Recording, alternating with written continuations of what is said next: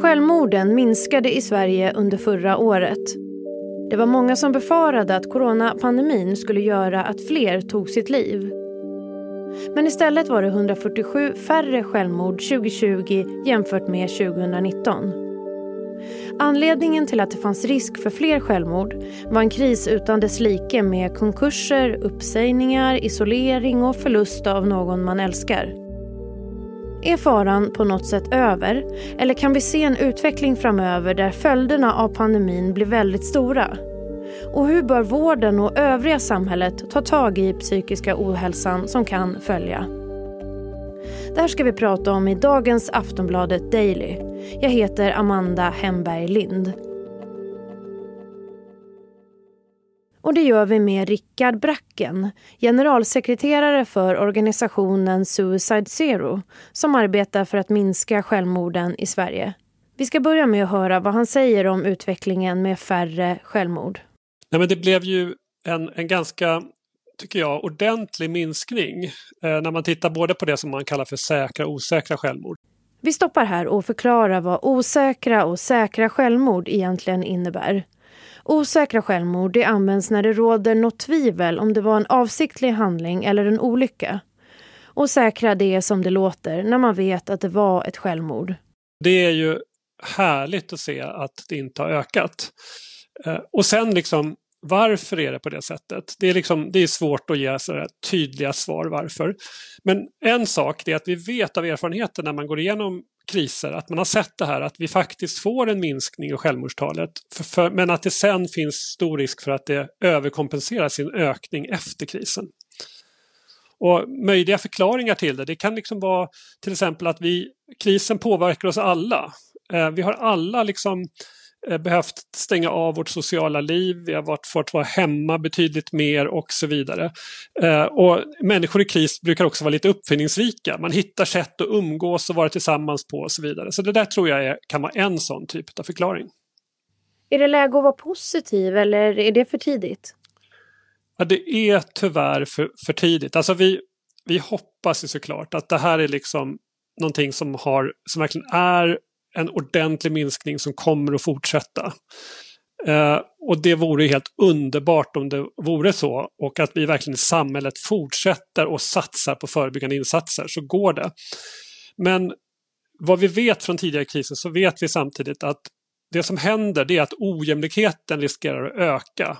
De allra flesta av oss kommer komma tillbaka i jobb och, och ut igen och leva som vi vill. Men det finns alltid grupper i samhället som inte kommer att göra det. Och då blir det större skillnader. Och det man har sett då när man tittar på tidigare kriser att där riskerar man också få, att få då en ökning och till och med en överkompensation. Så, där. så att eh, det, det är det som vi är oroliga för och det är därför det är för tidigt nu att säga eh, Gud vad skönt, eh, det har vänt. Utan eh, nu är det bara liksom att satsa, fortsätta satsa, jobba på förebyggande insatser som medmänniskor, att vi tar hand om varandra och eh, eh, eh, uppmärksamma på människor i vår omgivning som vi tycker inte verkar må bra. Att vi vågar fråga om det man ser och hur de mår och om man är orolig också fråga om självmord och självmordstankar. Det är viktigt. Men om det skulle slå över i en motsats när det blir en mer normal tillvaro efter pandemin. Hur kommer det sig att det kan hända? Ja, alltså det, det som det, det innebär det är att det, det, det då finns en risk för personer som hade en, en tuff situation redan innan krisen, kanske en svag förankring på arbetsmarknaden, som har blivit av med jobbet under, på grund av pandemin. Och då kan det vara svårare att få tillbaka eh, arbetet. Um, Eh, det kan också vara unga människor. Vi har sett att pandemin har slagit ganska hårt mot unga. Så att säga. Man, har, man kanske hade behov av extra stöd i skolan. Eh, det har varit svårare att få det genom den digitala liksom, omvandlingen som har skett och så vidare. Så man har tappat kunskaper, man kommer inte igång med studierna på samma sätt som man hade innan och så vidare. Så den där typen av saker kan påverka på, på ett negativt sätt. Och, och, sen finns det också alltid så efter kriser att det påverkar ekonomin i samhället. Och det finns en risk också att vi till följd av det ser nedskärningar liksom, i, inom vården, inom omsorgen och så här. Då slår det mot grupper som har de största behoven. Under 2020 var det 1441 personer som tog sitt liv i Sverige. Det är 147 personer färre än 2019. Det är fler män än kvinnor och det kan man generellt säga är ett mönster. Fler män än kvinnor begår självmord. Och det tror man bland annat beror på att det finns ett stigma för män att söka vård. Under 2020 sågs en ökning av självmordslarm till SOS och samtal till hjälplinjer. Och det tydde på en dyster utveckling, men som alltså inte resulterade i fler självmord. Vi ska höra Rickard Bracken på Suicide Zero igen. Jag vet faktiskt inte riktigt vad man ska säga om det, mer än att det är väldigt många fler människor som har larmat och som har tagit hjälp. Eh, och vi, det är oerhört bra att det inte har resulterat i ett, ett, eh, ett ökat antal självmord. Och just det här att faktiskt söka hjälp och, och ta kontakt eh, när man känner att det är kris och är jobbigt, det är så oerhört viktigt och det är också i sin tur skyddande. Ehm, eh, och där jag, om jag gissar så skulle jag säga att den typen av insatser som har gjorts har varit viktiga. så att säga. Och det är eh, väldigt bra att det finns ehm, eh, stöd att få eh, i krisen. Och där är eh, in, ideella organisationers olika hjälplinjer, ehm, eh, att kunna ha möjligheten att ringa 112, eh, räddningstjänsten som kan göra utryckningar är viktiga insatser och måste fortsatt få finnas där. Vi vet ju att en del unga haft det tufft under pandemin. Hur är situationen och risken för psykisk ohälsa bedömer du framåt? Nej, men jag skulle vilja säga just, just att gruppen unga, det är en grupp som har påverkats eh, utav pandemin i stor utsträckning. Eh, och inte minst när man inte kunnat vara i skolan och man har behövt delta på distans. Eh, och när man är också ung så skulle jag säga att man kanske har ett extra stort behov av att få umgås med andra, med jämnåriga, komma hemifrån och så vidare. Och många unga idag som kanske också eh, har, lever i, i, har hemförhållanden där det har varit svårt liksom, att kunna sitta avskilt och delta i studierna. Man kanske bor trängre eller man kanske har en miljö där man har en, en mamma eller pappa som mår dåligt eller som har ett alkoholproblem eller vad det nu kan vara. Eh, då är man mer hänvisad till hemmet. Ehm, och i de sammanhanget så är ju liksom skolan och att komma, komma hemifrån det är väldigt skyddande och väldigt viktigt. Och det här är ju någonting som eh, som har blivit svårare för, för flera unga under, under den här pandemin då i Sverige. Om vi tänker 70-plussarna, tänker på isoleringen där för många. Hur kan framtiden te sig där?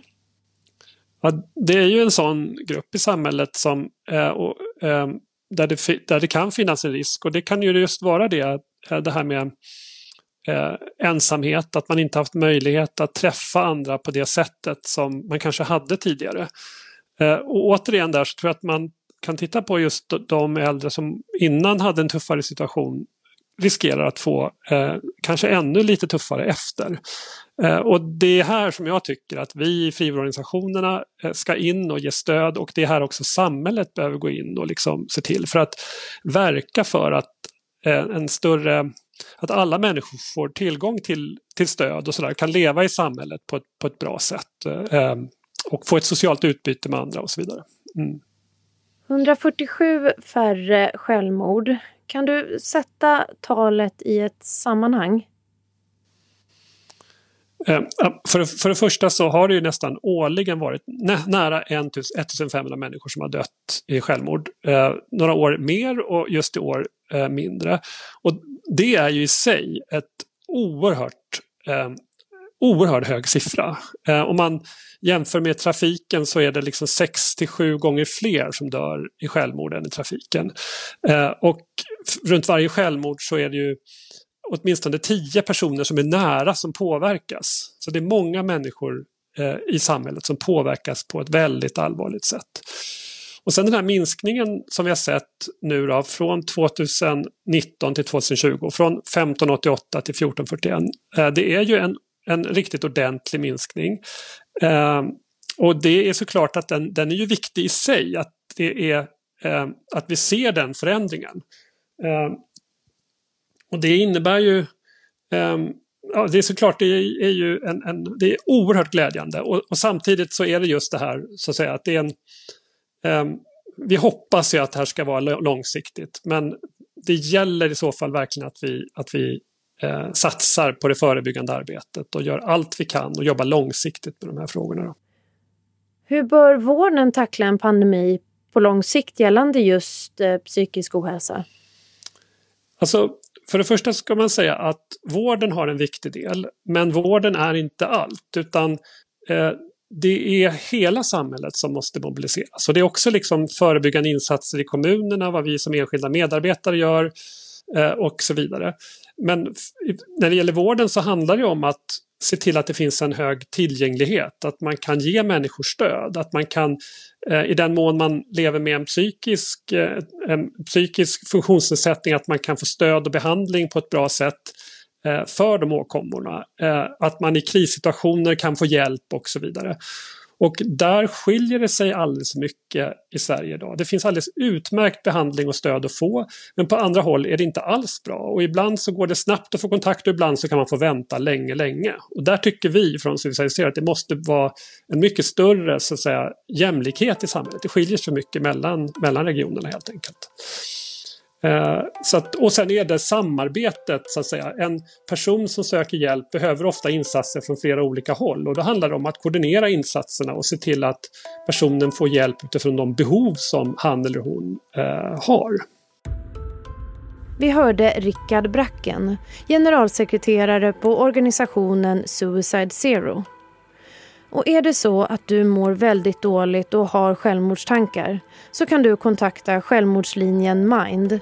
Du når dem dygnet runt varje dag genom att ringa 90 101. 90 101. Jag heter Amanda Hemberg Lind och du har lyssnat på Aftonbladet Daily. Vi hörs snart igen. Hej då. Du har lyssnat på en podcast från Aftonbladet. Ansvarig utgivare är Lena K Samuelsson.